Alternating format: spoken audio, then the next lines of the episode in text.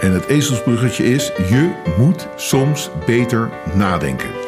Oh, En- Dat is ook meteen een antwoord op wat dat ik, dat ik überhaupt vergat Ja, hoe die heet. dat klopt.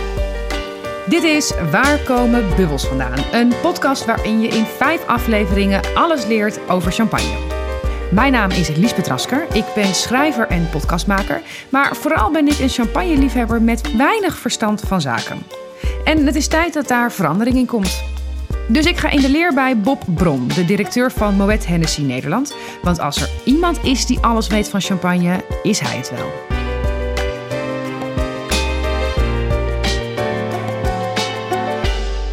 Daar zitten we weer. Het Ja. is mijn, eh, mijn laatste dag eigenlijk al van deze mini-opleiding. Ja, ja, Ja. nou, ik hoop dat je het tot nu toe eh, leuk hebt gevonden. Ik heb het heel leuk gevonden. Eh, ik heb ook echt al heel erg veel geleerd. En ik ben natuurlijk heel benieuwd wat we vandaag gaan doen. Ja, we gaan het vandaag eigenlijk hebben over eh, het bewaren van champagne. Ja. Eh, maar ook over een stukje culinaire toepassingen. Hè? Dus waar drink je, eh, waar, wat eet je erbij eventueel? Ja,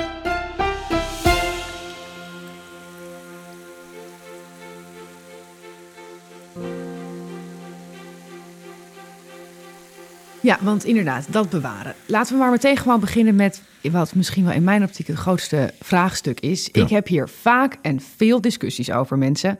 Werkt het nou wel of niet om een geopende fles champagne in de ijskastdeur te zetten met een lepeltje erin en dat zo de prik erin blijft? Nou, dat is echt een, eh, laat ik zeggen, een mythe. Dat is een, eh, ja, er zijn mensen die het bij zweren, maar het is echt wetenschappelijk onderzocht. Hè? Eh, Dat het niet zo is. dat het niet werkt. Nee. Oh. En dan zeiden ja, maar dan moet je een zilveren lepeltje nemen. En Ja. als een zilveren lepeltje is, dan werkt het wel. Nee, het is heel simpel zo dat hè, we hebben het gehad over hoe komen die bubbels in de wijn, hè, die moes, hè, dat de mousserende. En eh, dat het eh, in die wijn komt omdat je de dop erop hebt. Dus het kroonkurkje bij de eerste gisting. Sorry, bij de tweede gisting moet ik zeggen. Ja, En dat op het moment dat je hem opent, dat je dat met beleid moet doen. Want anders ben je een heel groot stuk van de druk uit de fles kwijt. Ja. Dus als je de kurk eraf laat schieten. Je hebt in de champagne een zogenaamde bouchon hermétique. Dat is een afsluitdop die de eh, fles eh, luchtdicht afsluit. Dus de, de, de, de koolzuurgas die erin zit, kan er niet meer uit. Dus als je nou zegt, ik heb een fles geopend, we hebben er twee glazen uitgedronken, we willen graag de volgende dag ook nog daarvan genieten, dan moet je niet een zilveren lepeltje erin doen, wa- want de, de volgende dag is het een stille wijn geworden. Maar de hoe- hoe- bubbels zijn weg. waar komt dit dan vandaan? Want, want ik heb dit zo vaak. Ik Ja, heb zo het vaak komt flessen. uit, eh, dat heb ik ook eh, even onderzocht. Het komt eigenlijk uit Engeland, uit de horeca. Serveerders, dus of noem het maar weters, eh, kelners, die, die zetten al die flessen van die diverse tafels die ze moeten bedienen in een koeler. En eh, er waren dan eh, flessen bij die leeg waren. En, maar dat vonden ze makkelijk om die toch in de koeler te laten liggen. En om te laten zien dat die leeg was, hebben ze daar een lepeltje in gedaan. Oh. En dat is eigenlijk het ontstaan van het bekende lepeltje in de fles. Maar nogmaals, er is onderzoek naar gedaan. Gewoon gekeken op een universiteit. Wat gebeurt er?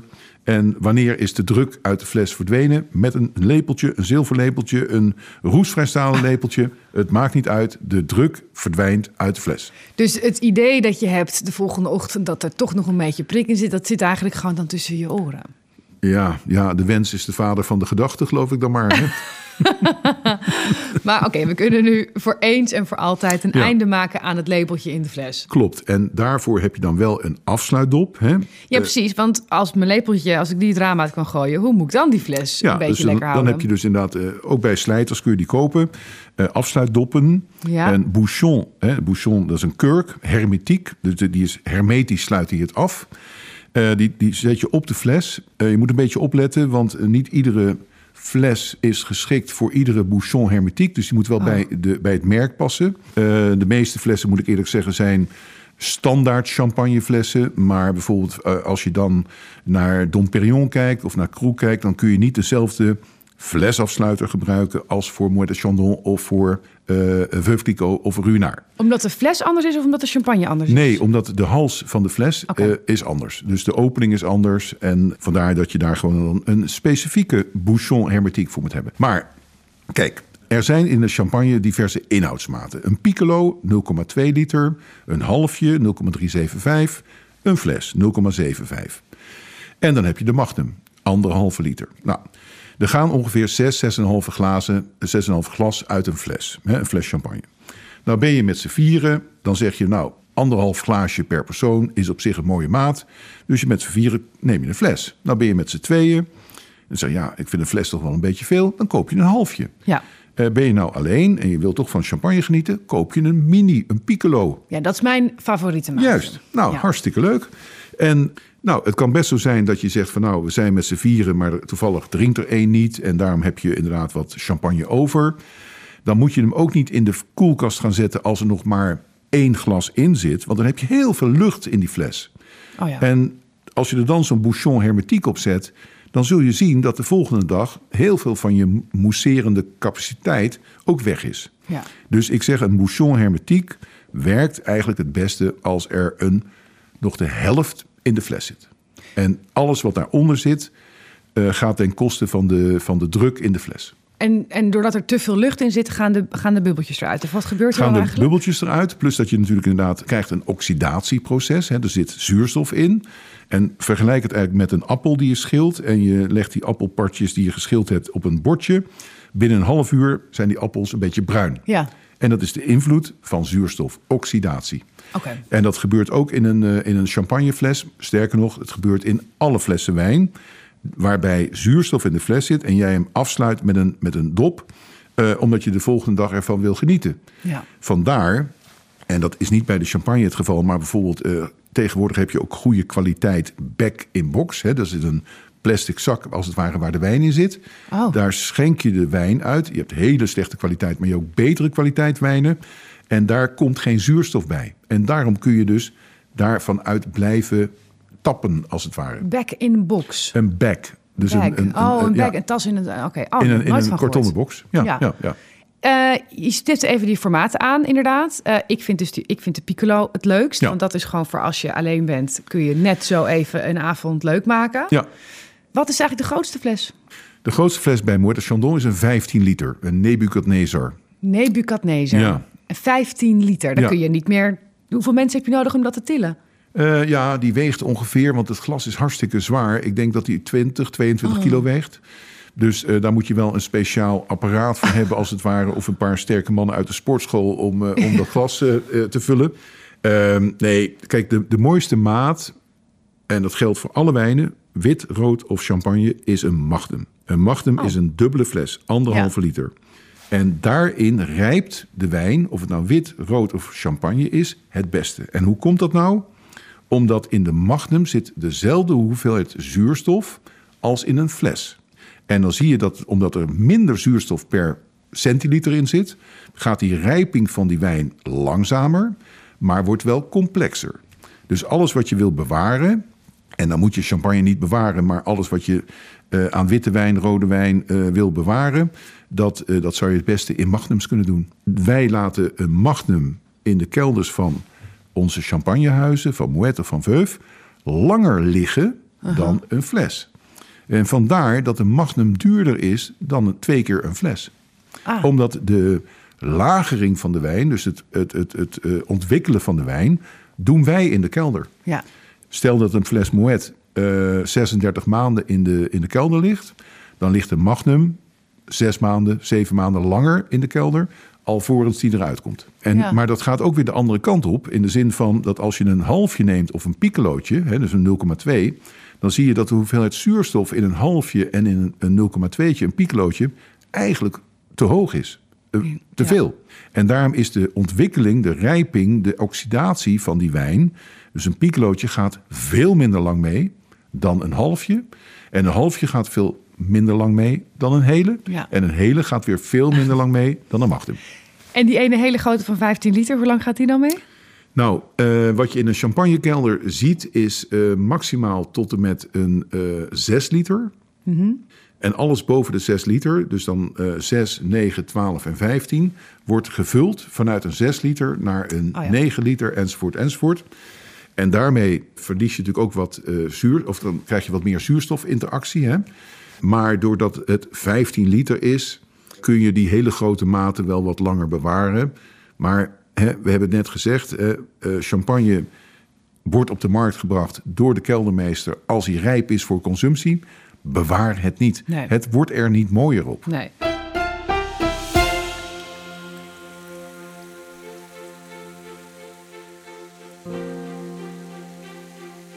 Maar goed, dat, eh, die vliegen gaat voor mij allemaal in ieder geval niet op. Ik wil gewoon weten hoe ik mijn gewone fles Ja. eh, champagne het beste kan bewaren. Ja. Eh, ervan uitgaande dat hij nog even vol is. Laten we dat Juist. ook. Nou, als je een fles koopt, hè, we hebben gesproken over dat dégorgement. hè, Ja. Mhm. dat het, en de liqueur die wordt toegevoegd, dat die dan klaar voor consumptie is. Ongeveer drie maanden later.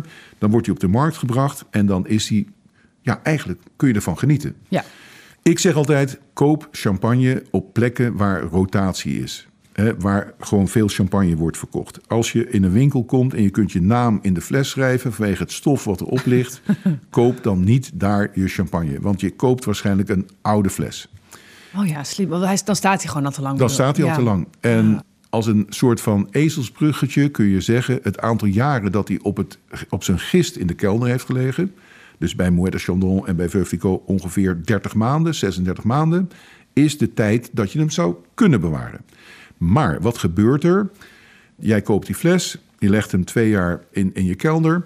dan gaat hij natuurlijk zijn frisheid, zijn fruitigheid... hoe die ooit bedoeld is door de keldermeester... gaat hij een beetje verliezen. Hij wordt wat ronder, hij wordt wat voller, hij wordt wat complexer... hij wordt wat zwaarder in de smaak. Hij mist een beetje dat frivole op een gegeven moment.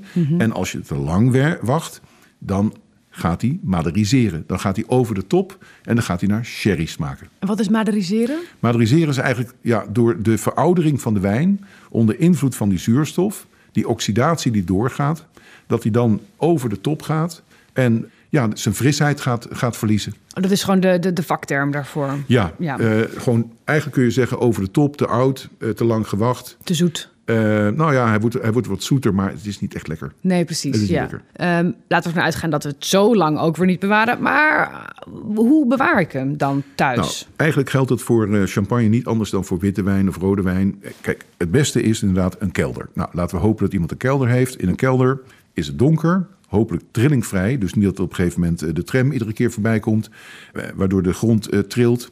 Het is daar ongeveer 11, 12 graden, constant. En het is donker. ja. En die flessen, die leg je in de kelder. Nou, is er onderzoek gedaan? Want in de supermarkt in Frankrijk staan de flessen allemaal rechtop. En dat kan, dat heeft geen invloed op de ontwikkeling van de wijn. De reden dat je een fles wit of rood liggend in de kelder bewaart, heeft te maken met het feit dat je de vloeistof, dus de wijn, in contact wil houden met de kurk. Doe je dat niet, bij een witte wijn of een rode wijn, een stille wijn, droogt de kurk in. En doordat de kurk indroogt, komt er lucht naar binnen. Bij de champagne kun je hem rechtop bewaren, maar maak het niet ingewikkeld. Leg gewoon al je flessen horizontaal in de kelder of in een klimaatkast. Of ergens waar je ze op een gegeven moment bewaart. Zodat de wijn in contact is met de kurk, zodat de kurk niet kan afdrogen, niet kan uitdrogen. En dat proef je. Nou, het probleem is als de kurk uitdroogt, dan, wordt, dan verliest hij zijn elasticiteit, hè, dus zijn, eh, zijn afsluitend vermogen. Dan komt er zuurstof binnen en dan oxideert die wijn. Of hij Ah. gaat lekken. Aan het eind van de rit gaat je wijn wel over de top. Ja. En sneller dan dat je liggend bewaart. Dan gaat hij maderiseren. Aan het eind van de rit wel. Ja, Ja. zeker. zeker. Maar ik woon eh, op een appartement driehoog in de stad. Ja. Eh, daar zit geen kelder onder. Ben ik nu ra- reddeloos verloren? Nee, zeker niet. Ehm, kijk, het mooiste is, en die heb je in diverse maten... als je zegt, ik ben echt wel geïnteresseerd in wijn... wit, rood, rosé en, en champagne... dan kun je een klimaatkastje kopen. En een klimaatkastje voor 30 flessen, 60 flessen... en dat gaat door tot een paar honderd flessen. En in die klimaatkast is het een constante temperatuur... het is donker, goede luchtvochtigheid... en op die manier bewaar je je, fl- je flessen het beste. Ja. Als je geen klimaatkast hebt en je hebt geen kelder, zoek dan een plek in je appartement, in je huis, waar de temperatuurschommelingen tussen de winter en de zomer niet te groot is. Je kan beter wijn bewaren als je zegt, ja, de meest ideale temperatuur is 10, 12 graden. Maar stel dat je een plek hebt in je huis waar het 18 graden is, dan gaat de ontwikkeling van de wijn gaat sneller dan dat je bij 12 graden hebt. Hè. Dus die ontwikkeling gaat ja, door de temperatuur sneller. Maar als het 18 is en in de zomer is het 21, heb je maar een verschil van 3 graden.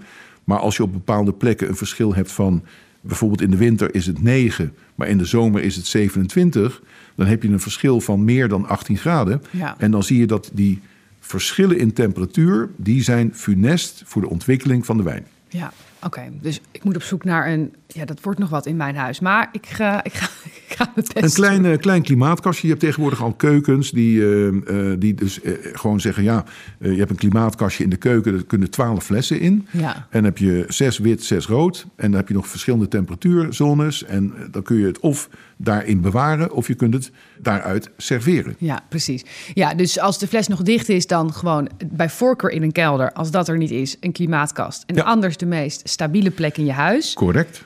En als hij al geopend is en je hebt eruit gedronken en je wil hem bewaren tot morgen, dan hangen we er niet een lepel in. Nee, En als hij te leeg is, dan heeft het eigenlijk ook geen zin meer. Nee, Eh, en we sluiten hem af met een speciale bouchon hermetiek. hermetiek. Ja, klopt. Hoe lang kan ik hem eigenlijk bewaren als hij met die bouchon hermetiek eh, zit? Nou, dat, dat heeft ook eigenlijk een beetje te maken met eh, hoeveel zit er nog in de fles. Ja. Maar ga ervan uit als hij voor de helft leeg is, dat je hem makkelijk drie, vier dagen kunt bewaren.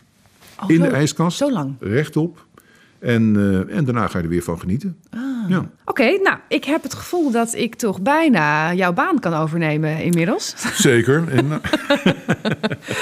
ik heb nog één onderwerp waar ik dingen over wil weten. Want ehm, we hebben het natuurlijk nu steeds over de champagne. Maar de champagne die drinken we ook het liefst bij iets te eten. Nou weet ik nog wel dat je het liefst witte wijn combineert met vis en rode wijn met vlees. Maar waar, waar plaats ik champagne in mijn menu? Wat kan ik er lekker bij eten? Wat zijn goede combinaties? ja, nou kijk, eh, kijk, champagne is inderdaad een ideale wijn om bij, eh, bij de maaltijd van te genieten. Het leuke van die wijn is, het, het is een eh mousserende wijn en het is een redelijk hoog in de zuren, maar prettige zure wijn. En iedere keer dat je een slok neemt, reinig je als het ware je palet.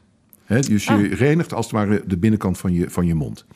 Dat is, dat is een, een unieke eh, eigenschap van, van champagne, zeker ten opzichte van stille, witte of rode wijnen. Ja, Het is natuurlijk best een fragiele wijn. Het is niet een krachtpatser. Het is niet een, eh, laat ik zeggen, een sumo-worstelaar.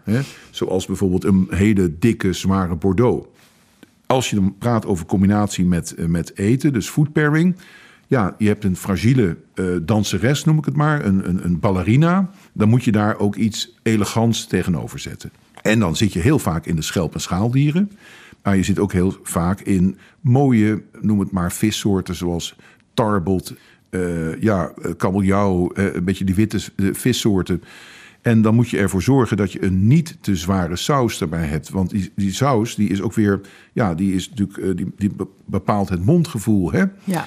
Dus hou er rekening mee dat alles wat je op een gegeven moment combineert met champagne, dat dat elegant is. Ja, en omdat het dus je smaakpalet neutraliseert, is het eigenlijk ook heel geschikt om juist het hele menu door te e- drinken. Zeker, nee, dat kan heel goed. Alleen, ja, dat, dat is natuurlijk best, eh, best begrotelijk. Hè? Dus vaak zie je dat mensen beginnen met een glas champagne als aperitief. En dan zeggen, nou, laten we een glas doordrinken bij het voorgerecht bijvoorbeeld. Hè? En dan, Ja. dan heb je een hele mooie brug van het aperitief naar, naar het diner. En dan heb je een, eh, ja, trek je nog even dat heerlijke champagnegevoel door eh, naar de maaltijd. Ja, En wat ook heel erg goed combineert met champagne is eh kazen.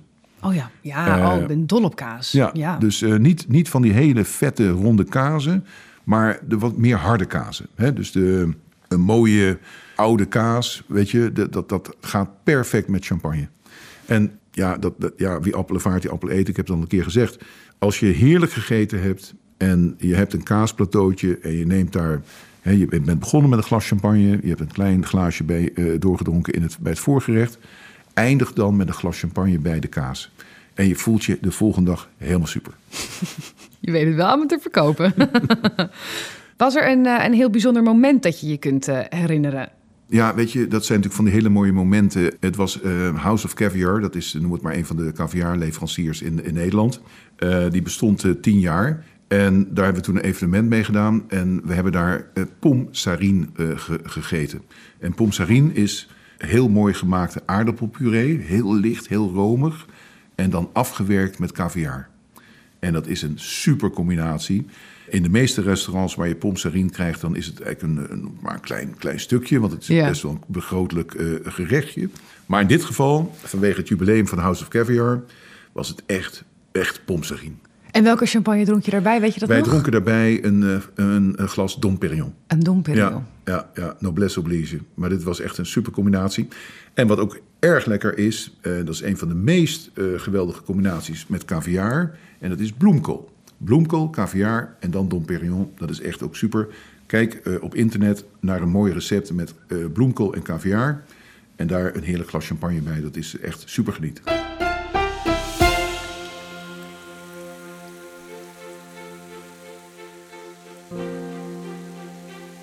Ja, noem, noem maar als je zes of twaalf oesters koopt en, en dan een heerlijk glas champagne erbij. Ja. Als aperitief is gewoon helemaal super. Ja. En simpel, je moet even die oesters kunnen openmaken. Maar eh, dat is gewoon natuurlijk een hele goede combinatie. En dan zie je al hè, dat, die strakke smaak van die champagne, dat, dat citrusachtige, dat mineraliteit. En dan die oester, en dat ziltige van die oester. Eh, ja, dat is een perfecte ja, combinatie. Eh, Dat vult elkaar enorm aan. Want je hoopt bij food pairing, hè, dus bij het eten, eh, sorry, het, het, het eh, genieten van, van wijn bij, bij een voorgerecht, een hoofdgerecht, dat het elkaar versterkt. De Ja. wijn wordt mooier, maar ook het gerecht wordt mooier. Ja. Kan ik er ook eigenlijk mee koken? Als in, je kookt wel eens met witte wijn. Kan het ook met Ja, champagne? dat is een beetje zonde. Kijk, er zijn wel champagne hè, dus meer nagerechten die dus geklopt worden met, met, met, met champagne. Mhm. Ja, weet je, ehm, persoonlijk zou ik het niet doen, maar dat heeft meer te maken met het feit dat ik liever dan van de, ja, de authenticiteit van het product geniet, weet je al in de pure vorm, hè, als, als eh, aperitief, als, als begeleider van een voorgerecht. En als je het in een gerechtje gaat verwerken, ja, dan verlies je toch een beetje van die, eh, die subtiliteiten. Ja, die finesses die er al die maanden in zijn gestopt. Ja, ja, dat snap ik Maar wel. dat is heel persoonlijk, hè? Ja. En ehm, kan ik er cocktails mee maken? Ja, een, eh, een, eh, zeggen, mimosa is bijvoorbeeld een, een cocktail met champagne en, eh, en, en jus d'orange. Hè? Eh, er zijn meerdere cocktailvarianten die, je- die je kunt maken. In, in goede cocktailbars eh, worden die ook aangeboden. Ja, het is ook denk ik een heel persoonlijk iets. Hè, van, van of je dat eh, lekker vindt of niet. Of dat je dat graag wil drinken. Ik, ik hou wat meer, maar dat ben ik. Hè, meer in de pure vorm. Wat ik net al zei bij, eh, bij, eh, bij de gerechten. Maar het kan heel erg goed inderdaad als ingrediënt voor een cocktail. Ik ben nu alweer vergeten. Hoe heette die 15 liter fles nou ook alweer? Nou, ik zal je een, eh, een ezelsbruggetje eh, leren. En het ezelsbruggetje is: je moet soms beter nadenken. Oh, En- Dat is ook meteen een antwoord op dat, ik, dat ik überhaupt vergat Ja, hoe die heet. dat klopt. Kijk, ehm, de J, hè, je, Jeroboam, dat is een dubbele magnum. Een dubbele magnum. Hoeveel liter is dat? Drie liter. Drie liter. Dan heb je de M, je moet, dat is een Mathusalem. En dat is zes liter. Mathusalem. De S is van Salmanazar, dat is 9 liter. Een Balthazar is 12 liter. En een Nebukadnezar is 15 liter. Waar kom, wat betekenen deze namen? Waar komt dit vandaan? Het zijn de Griekse eh godennamen. Griekse godennamen. Ja, Oké, ja, en jij, ja. kan, eh, jij kan deze altijd achterstevoren eh op Ja, op- nou ja, ik heb ooit dat, eh, dat eh, eh, ezelsbruggetje eh, bedacht. Want ik dacht van ja, ik, ik, ik kan het ook niet zo makkelijk noem het maar onthouden. Dus ik dacht, je moet soms beter nadenken. Dus dan kom je bij de Jeroboam tot en met de, de Nebukadnezar uit. En dan heb je dat gewoon altijd paraat. Ja, dit is ook wel goed om even gewoon uit je hoofd te leren... en als leuke parate kennis eh, op, een op een feestje even ja, rond te klopt, strooien. Klopt, klopt. Ja, Ja, dus, eh, en als je dan kijkt naar die inhoudsmaten, dan eh, zie je dat in een champagnekelder ligt de fles, dus 0,75, de Magnum, de dubbele fles, anderhalve liter, de Mathusalem, sorry, de Jeroboam moet ik zeggen, de 3 liter en de 6 liter. Die liggen in de, in de kelder te rijpen. ja. In de kelder vind je geen halfjes en geen piccolo's, maar je vindt ook niet de 9, 12 en 15 liter. Alles boven de Salmanazar, dus de 6 liter, wordt uit de 6 liter gevuld in de 9, in de 12 en in de 15.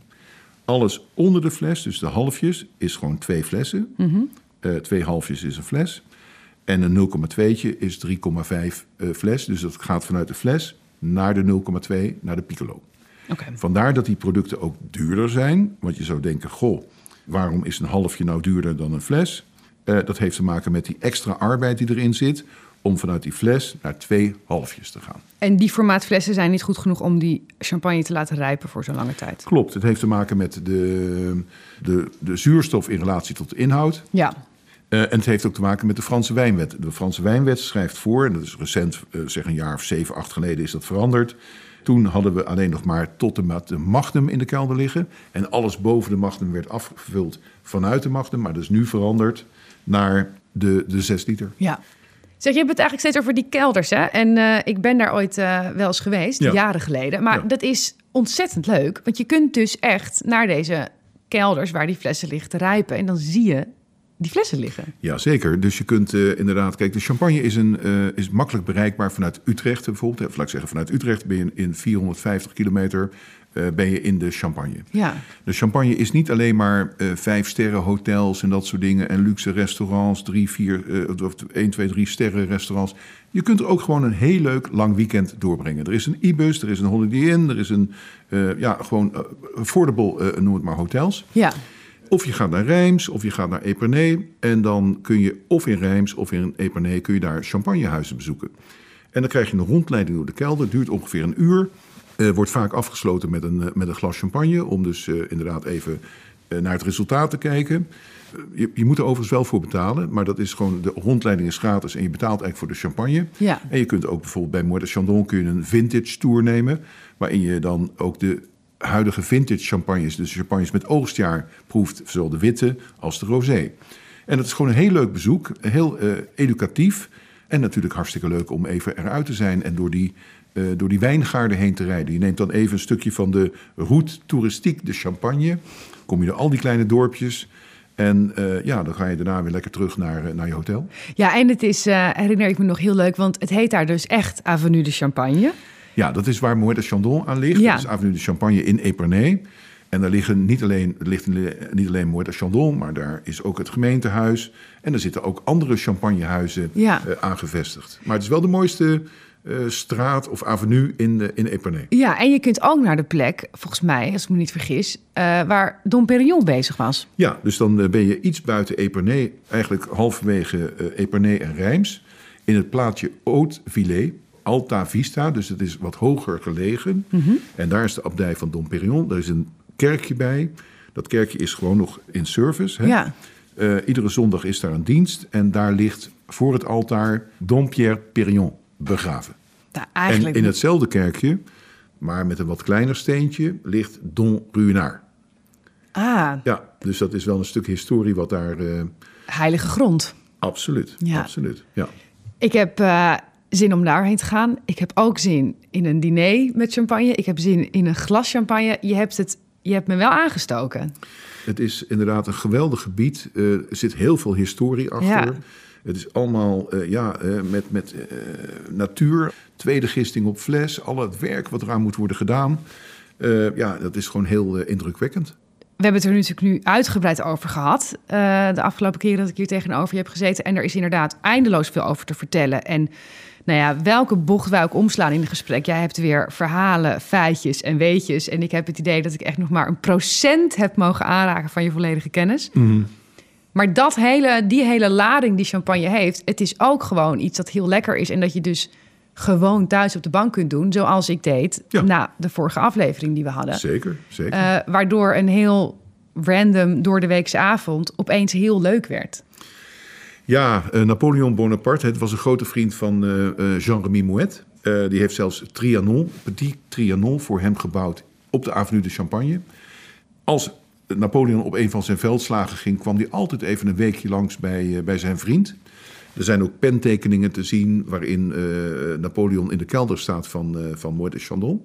En Napoleon die zei altijd: Champagne, I drink it during victory and I need it in defeat. Ik vind het een, ik vind het een prachtig einde. Ja, ja, ja. ja. Ik zie dat jij al, er staan al twee glazen klaar. We ja, maar ik denk nog, dat we eh, het even moeten afsluiten met inderdaad de bekende toast. Ja, Eh, in ik het hou hem aan het eh, steeltje vast. En het steeltje vast. Ja. Eh, we hebben er Dom Perignon in zitten, eh, 2010. Eh, eigenlijk een heerlijke wijn om op deze manier eh, de, de, de, de podcast af te sluiten. Ja. En ik wil graag eh, met je klinken, proosten en je bedanken voor, eh, ja, voor jouw werk. Ja, Dankjewel. bedankt voor jouw werk. Graag gedaan. Dit was een podcast van Press for Champagne, het nieuwe platform van Moet Hennessy. Wil je meer weten? Ga dan naar www.pressforchampagne.nl, de plek waar je alles over champagne kunt vinden en de informatie van de podcast nog eens rustig terug kunt lezen. Drink verstandig, geen 18, geen alcohol.